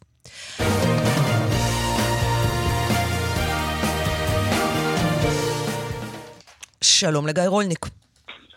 שלום קרן, מה נשמע? בסדר גמור, מה שלומך? נהדר. איפה הפנסיה שלך? אוי ואבוי, מתחילה בשאלות הכי קשות ולא נעימות. האם בפניקס? אה, הפנסיה נמצאת באחת מחברות הביטוח הגדולות, שבימים אלה אה, ממשלת ישראל, זאת שאמורה להיכנס לתפקידה, לא הנוכחית, mm-hmm. בעצם הולכת לתת אור ירוק להעביר את השליטה בהם לגורמים שאנחנו יודעים בוודאות שלממשלה ולרגולטורים לא יהיה שום רצון ויכולת לפקח עליהם. אז החל משבוע שעבר, אני חייב להודות שאני ישן קצת פחות טוב כלומר, אה, הפנסיה שלך באמת אצל הפניקס. אה, לא, היא לא בהפניקס, היא באחת מחברות הביטוח האחרות. האחרות? שבה, שכן. אז מה... שבה, מתרח... Mm. שבה מת... מתרחש, אה, מתרחשים אירועים דומים מאוד למה שקורה בהפניקס. במג... במגדל? אני חושב שלא נעשה פרסומת עכשיו לחברת ביטוח okay. ברדיו. לא, אבל, אבל שמאזיננו ידעו, שמאזיננו כן. ידעו אה, שזה, אה, האירועים האלה שמטרידים אותך, מה הם, ואז הם יבינו במה מדובר, לכן, כן. אז בואו נדבר באמת, תשמעי, כן. אז בוא תראי, יש, יש, בוא נראה ככה, שלוש, ח- בוא נדבר, יש שלוש חברות ביטוח גדולות, שכנראה בגדול חצי או יותר מהמאזינים שלך עכשיו מבוטחים בהם. שמות. זה הפניקס, הפניקס, כלל ביטוח ומגדל. אוקיי. אוקיי? מהמם. עכשיו בוא נראה מה מתרחש בשלוש החברות עכשיו, אני רוצה. רגע להגיד משהו, אוקיי? כי, כי אני קולטת שזה לא תמיד ברור, יש משהו מתעתע במונח הזה, חברת ביטוח, למי שלא חי את העולם האלה, העולם הזה. אלה חברות ביטוח, אבל הצד של הביטוח פה, כן, לא משנה אם זה ביטוח רכב או ביטוח רפואי, זה לא הצד שמעניין אותנו, כי אלה חברות שמחזיקות בפנסיות שלנו. חברות מדויק. הביטוח בישראל מחזיקות בפנסיות שלנו, להן, לכן הן כל כך מעניינות אותנו. נכון. אז שלוש חברות הביטוח, למעשה חברות הביטוח הגדולות בישראל, מנהלות את רוב הפנסיה בישראל. רוב קרנות הפנסיה הגדולות שאנחנו מכירים נמצאות בשליטה ובניהול של חברות, של חברות הביטוח. יש בישראל חמש חברות ביטוח שבעצם מחזיקות את כל השוק, מהמם. ולכן כשנזכרתי את שלוש החברות האלה, סיכוי סביר שהפנסיה של המאזינים אה, נמצאת בניהול שלוש החברות האלה. הן ביחד מנהלות טריליון שקל של פנסיה, טריליון זה אלף אה, מיליארדים. עכשיו, האירוע הזה אה, זה אירוע מתגלגל של כבר הרבה שנים, אבל הוא הגיע לשיאו, הוא מגיע לשיאו הגרוטסקי והמפחיד שבוע שעבר, כאשר בשעת ערב מאוחרת מתקבלת הודעה בבורסה שבעלי השליטה בחברת הפניקס, שהיא הגדולה מהם, היא מנהלת 370 מיליארד שקל של פנסיות של הציבור הישראלי, חתמו על הסכם למכירת גרעין השליטה בהפניקס ל... לא תאמיני, לאבו דאבי, לממשלת אבו דאבי, אז, לקרן אז, השקעות אז שלהם. יואב קרקובסקי, העורך הבוקר, שהכין את הכותרות לשיחה בינינו, הוא אמר, מה זאת אומרת אבו דאבי? אני לא מבין, מה זה למכור לאבו דאבי? אז תסביר לנו מה זה למכור לאבו דאבי. אוקיי, אגב, זה בדיוק הייתה התשובה, התגובה שלי. אה, למרות שאני עיתונאי כלכלי 30 שנה, אמרתי, מה זאת אומרת? מה כן. זה אומר למכור לאבו דאבי? אתם ירדתם מהפסים. נכון. אז בסדר, לאבו דאבי, שזה בעצם, כמו שאנחנו יודעים, זה לא בדיוק מדינה, כל הנסיכויות האלה במפרץ, זה בעצם עסקים פרטיים של כמה משפחות עשירות. אה, אה, אה, שהשתלטו על המדינות האלה לפני הרבה שנים. ובעצם מחלקים את השלל אה, ביניהם ובין אה, מקורביהם, זה כמובן דיקטטורות, אין להם שם שום דמוקרטיה, אין להם שום מוסדות אה, דמוקרטיים, מה שהם עושים לזכויות אדם אנחנו מכירים. בכל אופן, אז יש להם קרן השקעות, מה שקוראים קרן השקעות סוברנית, זה קרן השקעות של מדינה. ההבדל בין הקרן השקעות שלהם לבין קרנות השקעות של מדינות אחרות, שאלה דיקטטורה. כלומר, זה עסק פרטי לחלוטין, אתה לא יכול לעשות כלום, אין חוק, הריבון הוא החוק, המלך הוא החוק, כלומר, רגע, האמיר הוא החוק. אז אני רוצה פה להבין את העניין הזה. נניח אם הייתה קרן השקעות בבעלותה של ממשלת נורבגיה, אוקיי? לא היית מוטרד כמו שאתה מוטרד מזה שזו קרן השקעות בבעלותה של אבו דאבי, כי אין שקיפות, הם יכולים לשנות את החוק בכל רגע נתון, הם יכולים לעשות מה שהם רוצים, ובעצם, אחרי שהקרן, אם הקרן תהיה בידיהם, אז היכולת, אה, הביטחון של המשקיעים בכסף יהיה הרבה יותר נמוך? ברור, אז תראי, בואו ניקח את הדוגמה שלך של נורבגיה, היא מעולה, בואו נראה את ההבדלים בין אה, נורבגיה. קודם כל, אני לא חושב שזה טוב שממשלת אה, נורבגיה, באמצעות קרן ההשקעות שלה, תשלוט בחלק גדול מהפנסיה לא, הישראלית נקודה, בכלל, זו אפילו נקודה, שזה הנורבגים. זה, את- זו נקודה אוקיי? מאוד חשובה. אתה אומר, זה לא רק, זה, אני לא רוצה שממשלה זרה תהיה זו ששולטת בכספי נכון. הפנסיה של אזרחים ישראלים. נכון מאוד. עכשיו, נורבגיה זה באמת מקרה שהיינו צריכים להיות, זה המקרה הכי פחות מטריד. למה? כי קודם כל הנורבגים ידועים, ב, שזו המדינה, אחת מחמש המדינות עם שיעור השחיתות הכי אה, נמוך אה, בעולם. לנורבגיה, ככל שידוע לי, אין עניינים דיפלומטיים משמעותיים עם אה, ישראל. היא לא מעורבת בצורה משמעותית בסיפורים עם איראן, בסיפורים עם ארצות הברית, בסיפורים עם רוסיה. זו מדינה די ניטרלית. אין לה שלל אינטרסים ביטחוניים ודיפלומטיים אחרים עם ישראל. כלומר, לא היו המון ניגודי עניינים. עכשיו, אבו דאבי זה הדוגמה הכי קיצונית. אבו דאבי זה מדינה שיש לנו איתה יחסים דיפלומטיים מאוד טריים, מאוד uh, חדשים, הסכמי אברהם, אבל יש שורה של אינטרסים שונים ומשונים, שונים בינינו לבין כמובן אבו דאבי, אה, והרעיון הוא שאתה נותן למישהו ששחקן כל כך מרכזי במזרח התיכון ובמפה הבינלאומית, שיש לך יחסים דיפלומטיים מאוד מורכבים איתו, לשלוט בפנסיה של תושבי ישראל זה רעיון מופרך. תוסיפי לזה שמדובר בדיקטטורה, עם כוח פוליטי וכלכלי ריכוזי עצום, את מבינה שבעצם העברת בעיניים פקוחות את הפנסיה של מדינת ישראל לגורם שאתה יודע שלא תוכל לעשות, לפקח עליו ולעשות עליו רגולציה. את רואה את הממונה על שוק ההון, יושב ראש רשות שוק ההון במשרד האוצר, פקיד ממשלתי נכנס לעימות עם ממשלת אה, אבו דאבי, עם, אה, או ממשלה אחרת של איזה דיקטטורה? כמובן שלא, יבואו מיד ויסבירו לו, אתה לא מבין, אנחנו עושים עכשיו עסקה איתם כזאת וכזאת וכזאת, וזה חשוב לנו בחזית האיראנית והאמריקאית, ועסקאות נשק, ומיליון דברים שמי יודע מה הם. כלומר, אנחנו לוקחים את הפנסיות של מאות אלפי ישראלים, ופשוט מפקירים אותם בצורה הזויה. עכשיו תביני, לא רק שאנחנו מפקירים אותם בצורה הזויה, אנחנו גם עושים את זה תמורת נזיד עדשים מגוחך. צריך להבין, ממשלת אבו דאבי, כדי לקבל שליטה ב-370 מיליארד שקל של כספי הציבור הישראלי, הולכת לשלם בסך הכל שניים וחצי מיליארד שקל. זה מחזיר אותנו לשיטת הפירמידות, כן, אם את זוכרת. את ימי הפירמידות של נוחי דנקלר, אז זה מחזיר אותנו בדלת האחורית לשיטת הפירמידה, כלומר שאתה שם אחוז מהכסף ומקבל 100% מהשליטה. עכשיו תביני, אם הממשלה לא עוצרת מיד את העסקה הזאת ואומרת אבו דאבי תמורת 1% מהכסף יכולה להשתלט על 370 מיליארד שקל, מחר תופיע הקרן של בחריין ומחרתיים הקרן של סין ועוד שלושה ימים הקרן של לא יודע מה, של ערב הסעודית אם יהיו לנו יחסים איתם ותמורת סכומים פעוטים מגוחכים, כן? משהו כמו, אני לא יודע מה, סכומים שבהם אה, אה, פחות מאחוז מההשקעות של החברות האלה, הם משתלטים על כל הכסף, על כל ההון במשק הישראלי. אני רוצה רגע- אני- הפנסיה, זה, זה לא רק הפנסיה אה, אה, של הציבור, קרן, Mhm. תביני. כשאתה משתלט על כמה חברות ביטוח ישראליות, אתה בעצם שולט בכל המשק הישראלי, כי כל החברות הגדולות בישראל, רובן חברות ציבוריות, שהמניות שלהן מוחזקות על ידי קרנות הפנסיה האלה.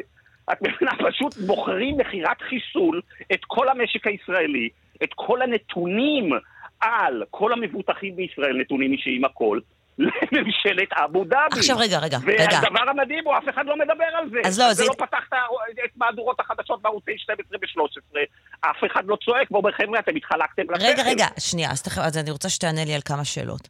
אחד, בידיו של מי ההחלטה? האם אכן הממונה על שוק ההון מקבל החלטה כזאת, או שזה אין משהו... לנו ממונה על שוק ההון במסגרת מה שקורה פה בישראל המטורללת בשנים האחרונות. אין ממונה על שוק ההון. הממונה על שוק ההון... אבל מישהו מתישהו אדון- ימונה לתפקיד הזה, במקום דוקטור משה מקווה- ברקת. אני מקווה, את אופטימית, אוקיי, אני מקווה, כרגע יש... אז אני שואלת שאלה אה, אחרת, מי אמור לקבל כן. את... אני שואלת, אתה יודע מה? בוא תן לי להיות אופטימית לרגע, כן. ולקוות שבממשלת ישראל הבאה שמעו את מה שאמרת, ואפילו אם לא שמעו, יודעים שזה לא הגיוני למכור את הפניקס לאבו דאבי, ורוצים לעצור את העסקה, נכון? אז כן. איך, איך עוצרים עסקה כזאת? מי אה, יכול... הממונה הממונה, יש כמה דרכים. קודם כל, יש אה, יושב ראש אה, שוק ההון, רשות שוק ההון אמורה לאשר כל בעל שליטה, והיא יכולה להודיע שהעסקה הזאת היא מונעת אותה בגלל שאין שום יכולת לפקח על גורם כמו ממשלת אבו דאבי, ויש סכנה ברורה ומיידית לחסרונות הציבור. זו אפשרות אחת. אפשרות שנייה, זה יש ועדה ש, אה, ששותפים בה גם בנק ישראל וגם הכלכלנית הראשית במשרד האוצר, שאמורה לאשר השקעות זרות אסטרטגיות בישראל. וזה ועדה, וזה המקרה הקלאסי, שוועדה כזאת צריכה להודיע מיד שהעסקה הזאת לא עומדת בשום קריטריון, וברור שאי אפשר להעביר את הפנסיה עכשיו, אני שואלת אותך, גיא, אני שואלת אותך בשיא הרצינות. אני. שואלת אותך בשיא הרצינות. אתה יודע מי האנשים שיושבים בוועדה הזאת? האם אתה חושב שהם יקבלו החלטה אחרת? האם אתה חושב שיש סיכוי שהם יאשרו את העסקה הזאת? אני חושב, תראי, אני לא יודע, אני קראתי בשבוע האחרון בעיתונים אנשים אה, אה, אה, שמסבירים כמה שהעסקה הזאת טובה, ומסבירים, אני ציטטתי בסוף השבוע בתור, בטור שלי את אדון יפתח רון-טל. זה אלוף במילואים שהיה הרבה שנים יושב ראש חברת חשמל. יושב ראש חברת חשמל, כן, וגם היה לו... מוזכר... והיה לו כן, איזו עצירה והוא- גם במגדל, לא? אה, מיד נגיע למגדל. ואדון אה, רון טל, הוא מוזכר כאחד מהמועמדים להיות מנכ"ל משרד האוצר של בצלאל סמוטריץ'. לא יודע אם זה נכון או לא נכון, אבל הוא מוזכר כאחד האנשים. הוא כבר הודיע, במסגרת היותו כבר אה, מישהו שנושא עיניו למנכ"לות משרד האוצר, הוא כבר הודיע שזו עסקה מעולה. למי? למדינת ישראל. עכשיו, האמירה הזאת היא אבסורדית לחלוטין, הרי אתה, התפקידה של הפניקס זה לא לדאוג למדינת ישראל, אלא לדאוג למאות אלפי מבוטחים.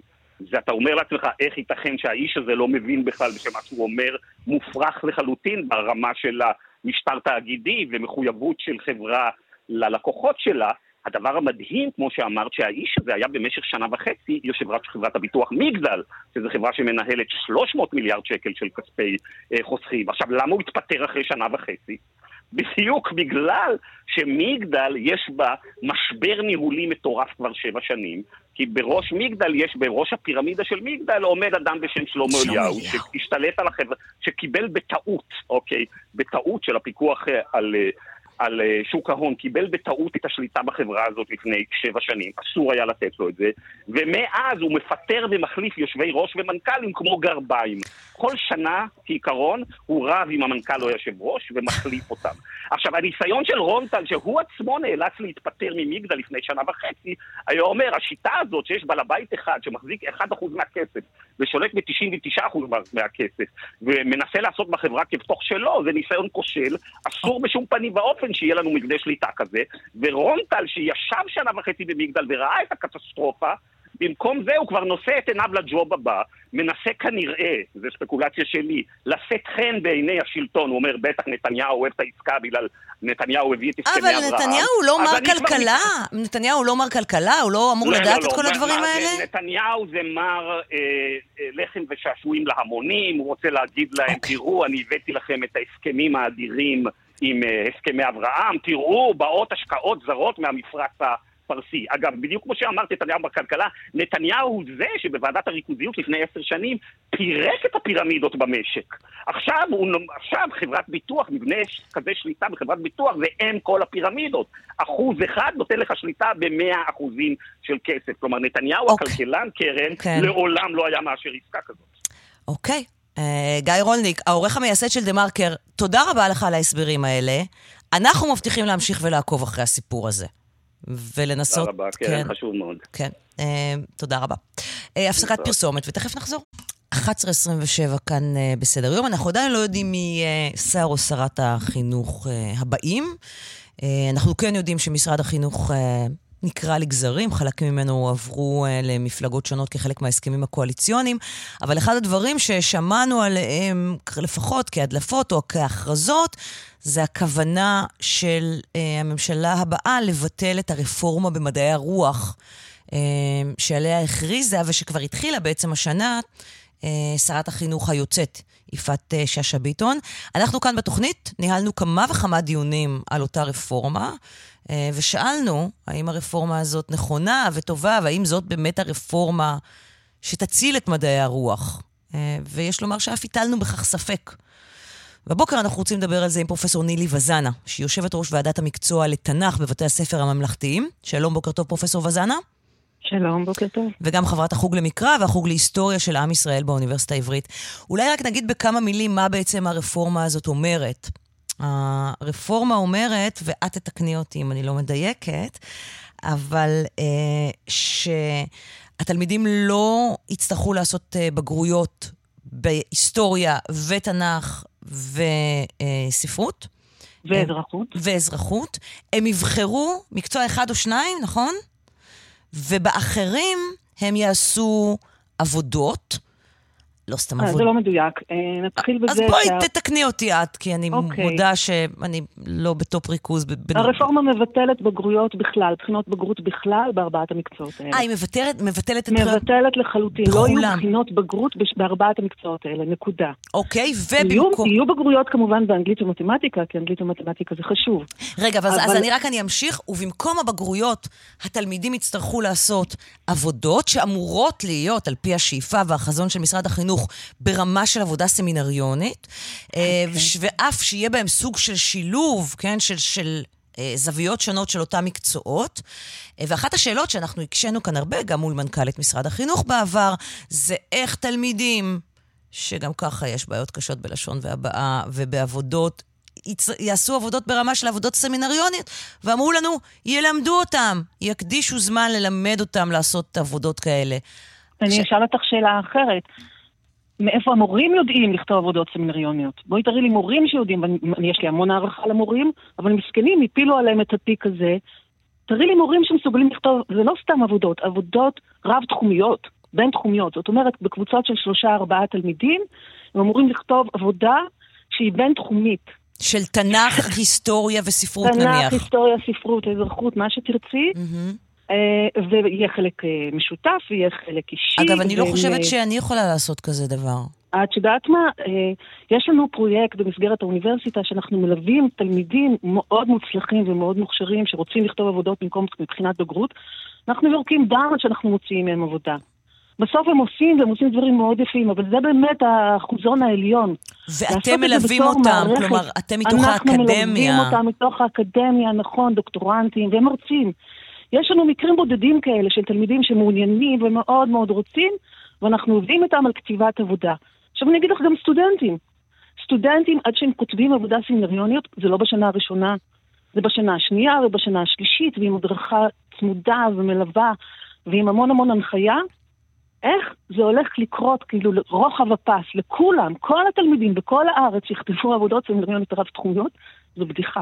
כי התוצאה של הרפורמה הזאת תהיה קטסטרופה, ואני כבר מראש אומרת, בחינוך, אם עושים מהפכה, זה יהיה כמו המהפכה התרבותית בסין. זה יהיה בכייה לדורות. תסבירי, תסבירי את החלק הזה, זה- זה- זה- אמירה מאוד קשה, מה שאת אומרת. אמירה מאוד קשה, ואני אומרת אותה באמת עם, אה, עם כאב מאוד גדול. אה, אנחנו כבר, אה, אני שומעת כבר מהשטח מורים באמת חסרי אונים. זה נכנס לתוקף בספטמבר האחרון. כן, נכון? כן, כבר עכשיו, כבר תלמידי י' מעכשיו נכנסו לתוך המסלול הזה. אם Mhm. הוא יבוטל, כלומר אם, אם המסלול הזה ימשיך להתקיים, אנחנו הולכים לראות קריסה של כל מקצועות מדעי הרוח. אנחנו נראה כאן אנשים שהם, אה, אמרתי המהפכה התרבותית בסין, אנחנו... אה, צריך ללמוד מההיסטוריה. תסבירי, ו- תסבירי למה את מתכוונת. אני אסביר. תראי, בחינוך לא עושים מהפכות. עושים שינויים, עושים התפתחות, אבולוציה ולא רבולוציה. כשעושים מהפכות מהסוג הזה, התוצאה היא קריסה. קריסה של הידע, קריסה של המיומנויות, קריסה של הכל, למרות שזה כביכול אמור להיות, לשים דגש על המיומנויות במקום הידע. אם אין ידע, אין מיומנויות, אין מה לעשות. אם אתה לוקח שש שעות, שזה השש שעות שנותנים למקצועות האלה, ואתה אומר, אוקיי, שעה אחת מתוך השש האלה ממילא תרד עכשיו. וכמות החומרים שנלמדת תרד. רגע, למה היא תרד? תסבירי לנו. כי על, על חשבון מה ייתנו להם את ההדרכה כביכול? אה, הם צריכים שעה אחת מתוך השש שעות שבהם לומדים תנ"ך, ספרות, אזרחות והיסטוריה, הם יצטרכו ללמוד איך כותבים עבודה. נכון, אוקיי, נכון. מהמם. אם יהיה מישהו שיוכל ללמד אותם את זה כמובן. אה, זאת אומרת, הם לוקחים מציאות שהתקיימה בלית ברירה בתקופה של הקורונה, שבלית ברירה היה צריך להוריד את הכמויות של החומר, ראו כי טוב, ובואו נמשיך עם זה הלאה. אז רגע, אז רגע, זה. עכשיו אני רק אדייק, כי אני פשוט יודעת מניסיון של שני ילדיי, אה, שהם אה, למדו ולומדים בתיכון בתקופה הזאת. מה שקרה בתקופת הקורונה, זה שהתלמידים יוכלו לבחור האם לעשות... אה, הם בח- הם בחרו אה, מקצוע הומני אחד אה, שבו הם ניגשו לבגרות, ובשניים האחרים, או בשלושה האחרים, הם עשו, הם אה, קיבלו ציונים פנימיים. אז נניח חלק ניגשו לבגרות בתנ"ך, אבל לא ניגשו לבגרות בספרות. חלק ניגשו לבגרות באזרחות, אבל לא ניגשו לבגרות בהיסטוריה. אבל כאן זה מבטא לגמרי את הבגרויות. מבטא לגמרי את הבגרויות. אה, יתרה מכך, אני אומרת, יש אפשרות היום גם בתוך המערכת, אתה, אז אני, אני רוצה לשאול אותך, עבודה. יש מי, יש מי שאומר, העניין הזה של ביטול המספר הגדול של הבגרויות אה, וריבוי המקצועות שבהם יש בגרויות, זה משהו שמסתובב בתוך מערכת החינוך כבר הרבה זמן. אמירה שצריך לרדת לפחות בגרויות. מה את אומרת על הטענה הזאת? אני בעד, אבל בואו נתחיל מאנגלית וממתמטיקה. בואו לא, לא, אף אחד נהרוג לא את ה... יבטל ה- את האנגלית ואת בדיוק, המתמטיקה. למה? למה? כי הם חשובים, הם חשובים. מה זה תנ"ך? מה זה ספרות? מה זה היסטוריה? מה זה אזרחות? את מבינה מה אנחנו הולכים לעשות כאן? אנחנו הולכים לגדל כאן דור שלא ידע מה זה תקופת בית שני, דור שלא ידע... הם הולכים, הם הולכים להוריד כאן תכנים, הם לא הולכים להוריד כאן את ה... אנשים לא ילמדו, הילדים האלה לא ילמדו ולא ידעו. אני, אני באמת, כואב לי נורא העניין הזה, ואני חושבת שההחלטה של בן אדם אחד, שמעולם לא עלתה לדיון אגב, משום שהיה צריך להיערך דיון בוועדת החינוך בכנסת, והוא לא התקיים, זה היה בראשון למרץ ב-2022. וכשההחלטה הזאת לגבי הש- הרפורמה התקבלה, לא התייעצו איתכם עם יושבי ראש לא ועדת התייעצו המקצוע? איתנו, הפילו לא את זה עלינו כגזירה מלמעלה. אנחנו מחינו, אנחנו הוצאנו הודעות, אנחנו בכינו. מהמם. ישבנו בינינו, כל יוש- יושבי ראש ועדות המקצוע, גם של הממלכתי, גם של הממלכתי-דתי, אנחנו, בתוכנו אנחנו זעמנו. והייתה אפילו החלטה, איזושהי, איזשהו ניסיון להגיד שאנחנו כולנו נתפטר, ידענו שזה לא יוביל לשום דבר. היא הייתה מאוד נחושה, ואף אחד לא בעד העניין הזה. היא לבד, היא לבד משכה את כל הסיפור הזה של הרפורמה, ואני שוב אומרת, לא היה דיון, לא בוועדת הכנסת, אה, ועדת החינוך, לא, אה, לא התייעצה עם ראשי ועדות מקצוע, לא התייעצה עם אף אחד. אנחנו אמרנו כל הזמן, אוקיי, סבבה, יכול להיות שיש כאן רעיונות טובים, בואי נעשה פיילוט. בואי נתחיל עם חלק. Mm-hmm. בואי לא נעשה לרוח, לרוחב כל הפס 100% של כל התלמידים בכל בתי הספר. מה עושים עם העולים החדשים? מה עושים עם התלמידים נתוני טיפוח? מה עושים עם כל מיני קבוצות חריגות כאלה ואחרות? אין לזה תשובה בכלל. את יודעת אם יש... העיקר להוציא את זה לדרך. מהמם. כן, מעניין אותי האם יש איזושהי מערכת שבודקת ומקבלת היזון חוזר, פידבקים על איך זה עובד עכשיו בבתי הספר. את שומעת ממורים לתנ"ך, להיסטוריה? אתם, אתם אה, מקבלים איזשהם הדים, אם זה כבר התחיל בספטמבר? כמו שאת אומרת, שני הילדים שלך לומדים בבית ספר ואת שומעת מהם. אני שומעת מחברים ומבני משפחה שהילדים שלהם לומדים עכשיו בכיתה י' ואפילו בבתי ספר טובים במיוחד. הם כולם חסרי אונים, הם לא מבינים מה נפל עליהם, הם לא יודעים מה רוצים מהם.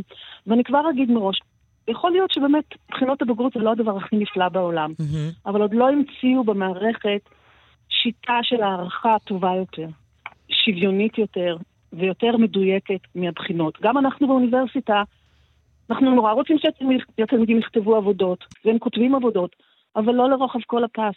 יש הרבה מאוד uh, מבואות, יש הרבה מאוד שיעורי טקסט שנה א', אנחנו עושים להם בחינות. כי בחינה, מה לעשות, זה הרע במיעוטו. ועדיין אין שום דבר אחר שיחליף אותו. ואם מישהו רוצה לכתוב עבודה, אני בהחלט בעד. שנייה. פנינה? כן, אוקיי. אז את, אה, אה, לו שר או שרת החינוך הבאים שומעים אותך, את אומרת לו, בטל את הרפורמה הזאת. חד משמעית. חד משמעית, לבטל אותה, לחשוב טוב טוב, לתת לזה זמן, לתת לקבוצות של אנשים, של מומחים, לשבת ולחשוב על זה. לא מהפכות, מהפכות הן הרסניות בחינוך.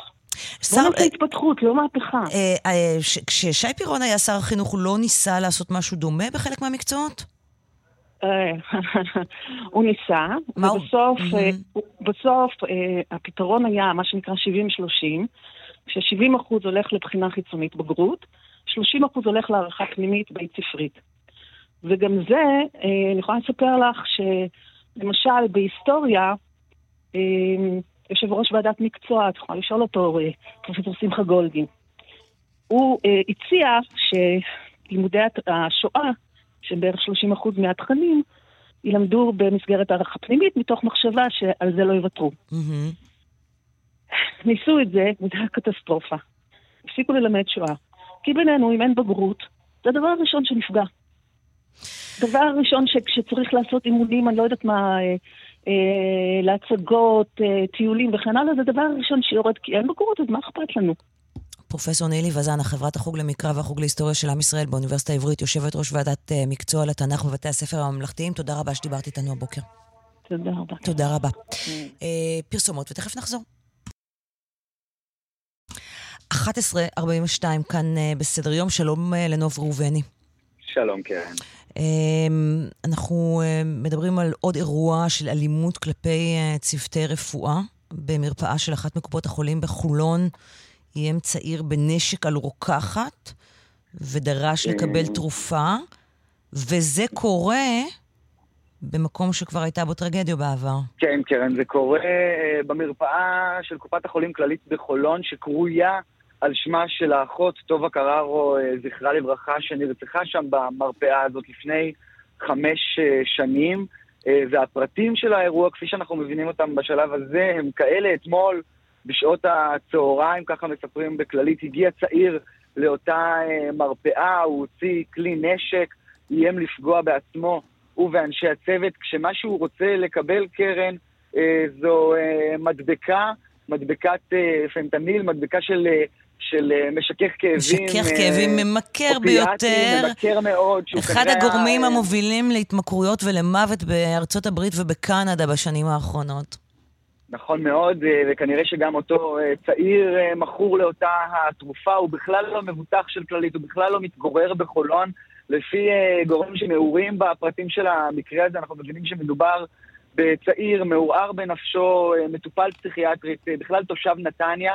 האקדח קרן שהיה בידו ואיתו הוא אה, נופף, היה אה, אקדח אה, אוויר, איירסופט, הוא היה בלי אה, שום אה, תחמושת, כלומר, אנחנו מבינים שלא הייתה שם איזושהי... לא הייתה שם סכנה למרבה המזל, לפגוע, כן. ולא הייתה סכנה, וגם ממה שאנחנו מבינים, אותו צעיר אה, הצמיד את האקדח הזה לרקה שלו עצמו, ואיים להתאבד אם הוא לא יקבל את התרופה. הצוות שם הזעיק את המשטרה שהגיעה למקום, הצליחה לעצור אה, ולהשתלט על אותו צעיר, הוא עוכב לחקירה, כרגע עדיין נמצא בידי המשטרה, ככל הנראה ישוחרר אה, בהמשך. כמובן שהאירוע הזה מקבל אה, גינויים, גם מצד כללית, גם מצד איגוד הרוקחות. זה כן עוד אירוע שבו צוותים הרגישו מאוימים, הרגישו בסכנה. לשמחתנו לא הייתה כאן סכנה ממשית הפעם, אבל בהחלט אירוע חריג ומדאיג. נוב, תודה רבה לך. שלום לאבנר גרשוני. שלום וברכה. דוקטורנט להיסטוריה באוניברסיטת חיפה, מורה ומחנך בריאלי העברי אה, בחיפה. בחיפה, כן. בוא נתחיל מההקלטות, שעות של הקלטות של uh, קציני הוורמאכט, בכירי הוורמאכט, הצבא הגרמני, לא אס אס, עבר, שאתה שומע על קיומם פתאום. כן. Uh, בגדול, ב-1996 חומר שהיה סודי ביותר, שזה שהמודיעין הבריטי דאג להקליט גם חיילים רגילים, אבל גם גנרלים uh, של הצבא הנאצי, של הוורמאכט. Uh, הקליט אותם במשך שנים, זה היה סודי ביותר, אף אחד לא ידע על זה ב-96 במקרה. למה זה היה סודי עד 96? איזה... השיקולים של המודיעין הבריטי לא ידועים לי. Mm-hmm. הרעיון הוא שבאמת החומר הזה התגלה רק בזכות uh, היסטוריון גרמני, סונקן אייצל, שבמקרה הגיע לזה, ומפה נפתחה איזושהי תיבת פנדורה, כי אז החומרים, ההקלטות על הגנרלים זה משהו כמו אלפיים וקצת מסמכים. מדובר על כמעט עשרת אלפים עמודים של מלל, מחצי עמוד של מסמך עד 22 עמודים, ואז הוא שואל בארכיון הלאומי באנגליה מה יש עוד, ואז אומרים לו, יש גם את החיילים הרגילים. ואז הוא מגלה שבעצם אותם עשרת אלפים עמודים זה בסך הכל 20 אחוז. זאת אומרת, פה מתחיל פרויקט ענק של מחקר על החיילים עצמם, שבסוף גם, נדמה לי, אחד המחקרים האלה התפרסם בארץ, קוראים לזה חיילים. זה ספר שיצא לפני כמה שנים. לוקחת אותך עוד צעד אחורה. איפה כן. ומתי ההקלטות האלה מתבצעות? ההקלטות של הגנרלים מתבצעות באחוזה בצפון לונדון, קוראים לה טרנט פארק.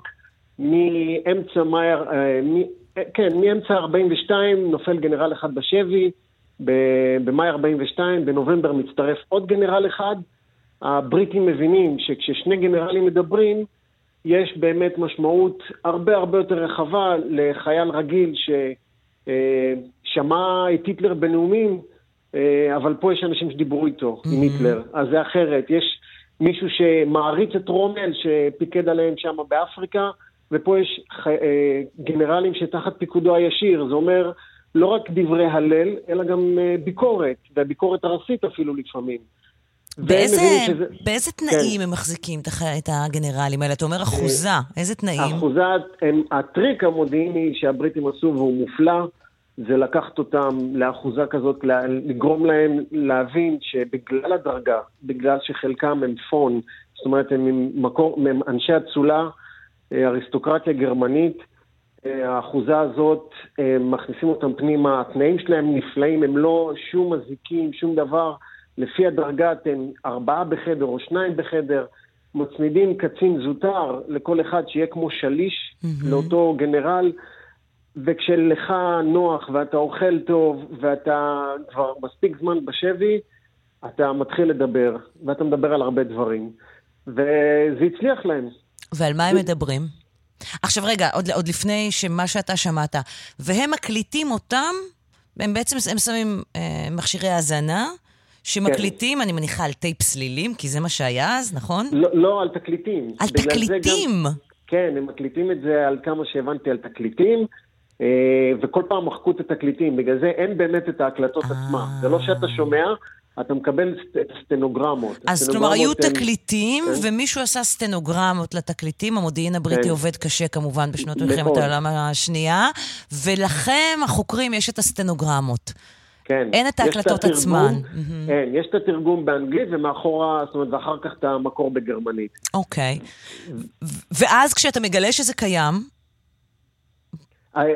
יצא ספר שאיגד 150 או משהו כזה מסמכים. זאת אומרת, יש פה טיפה בים.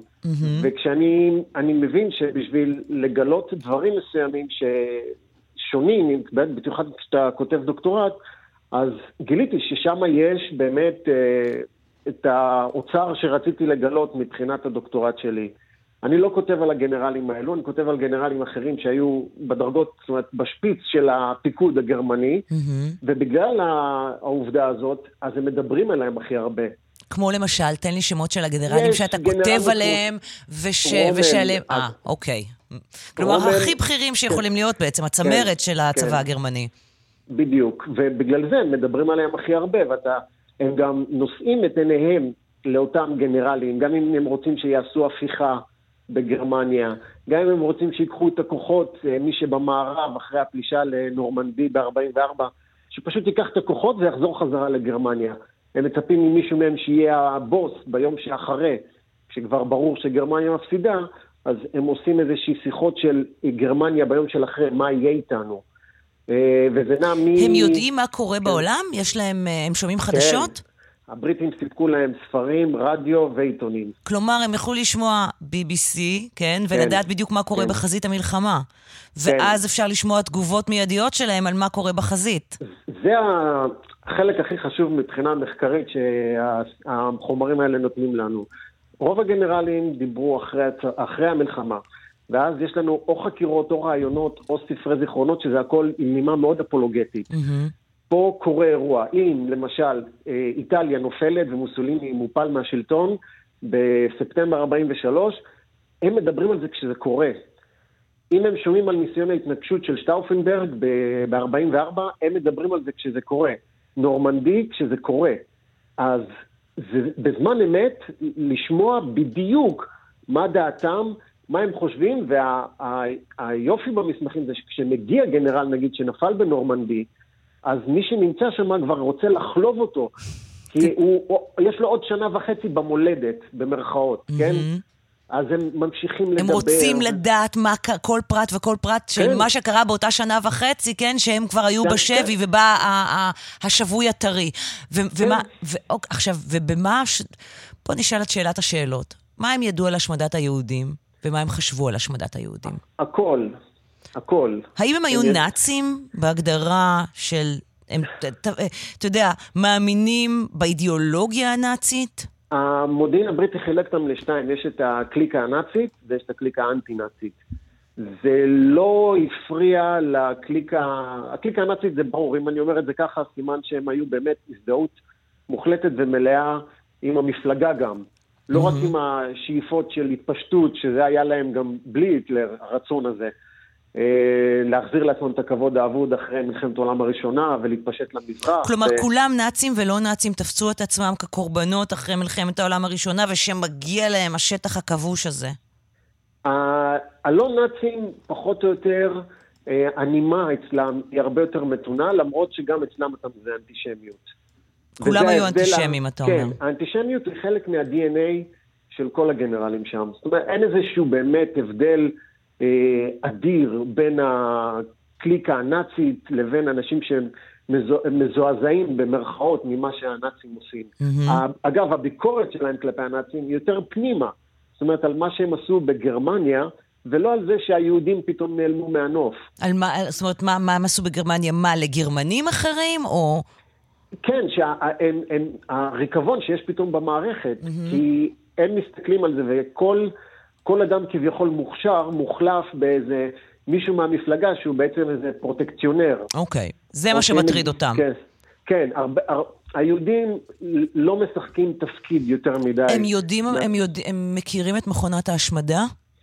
הם ביצעו את מכונת ההשמדה. הם ביצעו, זאת אומרת, אפשר, הם ביצעו את מכונת, הם היו חלק ממכונת ההשמדה. כן, כי מפקד צבאי בשטח של דיוויזיה או של אזור מסוים, הוא ה-Lord of the Land. הוא יודע הכל, הוא בניגוד לסיפורים כמובן שהם מכרו אחרי המלחמה, הוא יודע הכל, הוא מנהל את ההצגה שם באזור. אם צריך לשרוף את הכפר, הוא ישרוף את הכפר, אם צריך לקחת את האוכל או את הפרות חזרה איתו כשהם נסוגים, אז הוא ייקח אותם, ואם הוא יודע שביער שם מעמידים יהודים בשורות והורגים אותם, הוא יודע גם את זה. הוא גם יודע לתאר, והם מתארים. לא, האם הכירו את הסטנוגרמות האלה, את, את הדברים האלה, במהלך המשפטים שהיו אחרי המלחמה? המודיעין לא רצה אפילו לחשוף שהדבר הזה קיים. זאת אומרת, אה, אני מניח שזה חלק מה... גם מהרצון לשמור את זה קרוב לחזה את הקלפים האלו, וגם כי זה פתאום, יש מלחמה קרה לבריטים ולאמריקאים ככה מול הסובייטים, לא התגלה. לא התגלה. שאלה אחרונה, מה המסקנה שלך לגבי האנשים האלה? אז זהו, שכן, אני אומר אה, בכתבה שם שהן מפלצות. כמובן שזה לא מונח אקדמאי, אבל מבחינת קריאה מאוד מדוקדקת של המסמכים האלו, שקראתי אותם כמה וכמה פעמים, אני אתן את הדוגמה של שבויי מלחמה להמחיש את זה. אתה לא יכול לראות בחצי שנה הראשונה של המלחמה במזרח נופלים שלושה מיליון אה, שבויים רוסים, ושניים אה, מהם, שני מיליון מתוכם מתים תוך חודשיים, זאת אומרת בסוף, הש... בסוף mm-hmm. אותה שנה. כן. כבר בפברואר 42, שני מיליון רוסים מתוך השלושה האלו כבר מתו. הם ראו אותם בצידי הדרך, הם ראו אותם נופלים. וזה לא הזיז להם. זה לא הזיז להם, okay. גם אוקיי. בפקודות. זאת אומרת, יש פה אנשים שראו את זה, איך אחד הגנרלים אומר, אני, אני ביצעתי, אחד שאני, הדבר שאני הכי הרבה שונא את עצמי עליו, זה שביצעתי את ההשמדה עד הפרט האחרון, וזהו זה. אבנר גרשוני, דוקטורנט להיסטוריה באוניברסיטת חיפה, מורה ומחנך בריאלי העברי בחיפה, תודה רבה לך. תודה לאיילת שני שהביאה את הרעיון המפורט איתך במוסף הארץ לך. בשבוע שעבר, שם קראנו אותו, תודה על, על, על זה. תודה שדיברת איתנו, זה היה מרתק. תודה. אנחנו סיימנו. אה, נגיד תודה בעריכה מירית אושון מיטרני ויואב קרקובסקי, בהפקה דנית שוקרון ידידיה, שירלי וייל וארץ נילוביצקי, על הביצוע הטכני יאיר ניומן. תודה רבה לכם, מאזינים יקרים, שהייתם איתנו בשעתיים של סדר יום. אנחנו נהיה כאן ביום ראשון, ב-10 בבוקר. יאללה ביי.